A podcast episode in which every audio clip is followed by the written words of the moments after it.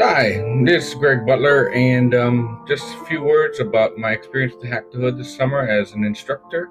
Uh, I was very pleased with the quality and caliber of the people I was working with, as well as the ability of the students to show up and do work on a daily, day-to-day basis. Um, that really matters. That the kids show up, they're invested, and they ask good questions. Um, a lot of times, they didn't ask any questions because they were still uh, digesting the material. Um, but at the end of the day, they all put in their best effort, and that was um, rewarding for both them and me to uh, see them grow and progress so much. Um, I think the material is great, and that um, it'll serve them well uh, just to go through the experience.